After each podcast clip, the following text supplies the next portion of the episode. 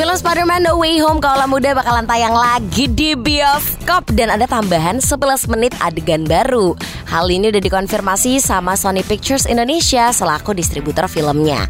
Pengumuman ini disampaikan lewat akun Twitter Sony Pictures Indonesia di tanggal 24 Agustus. Dan disebutkan judulnya juga bakal diganti nih Spider-Man No Way Home The More Fun Stuff Version. Pasti bersambung sih menurut gua. Karena ya kulturnya MCU itu pasti ada bahkan kayak di film ini ada petunjuk terus abis itu di film yang lain juga ada petunjuk Kasihan pemain ditunjuk-tunjuk salah apa? bukan petunjuk tunjuk tunjuk ngapain maling lu tapi katanya Spider-Man kali ini diperanin sama Tom Shelby bukan nama Tom Holland Peaky Blinders Udah, semuanya udah punya peran masing-masing, Pak. tulisannya diperankan oleh Tommy Kurniawan kan.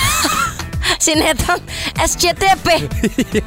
Enggak, kalau muda ini mah masih eh, seperti yang kemarin gitu ya. Of course Tom Holland, Zendaya, Benedict Cumberbatch ada of course. Dan udah ada teasernya juga nih. Jadi buat kamu yang pengen lihat gitu kan cuplikannya boleh banget. Ada satu adegan yang belum pernah dilihat nih kalau muda jadi memperlihatkan Spider-Man-nya Tobey Maguire nih muncul di mana Tobey ini lagi ngejer orang yang nyuri tas dan nangkap dengan jaring laba-laba. Abis itu Spider-Man Andrew Garfield muncul sebagai temannya Toby. Ih, aku pengen nonton lagi. Tapi kayak film ini aku nonton berapa kali juga gak bosen deh. nggak bosen aku nonton bioskop terus aku nonton juga di Netflix nggak bosen sumpah aku udah nonton di bioskop terus nonton di Netflix nggak Oh. bosen bosen sumpah And chill gak tapi? Biasanya and chillnya itu yang bikin gak bosen. gue nonton di Cilitan Netflix and Cililitan Oh kirain and ciledug itu. Ah, and apa? ciledug friends. Eh, Iya.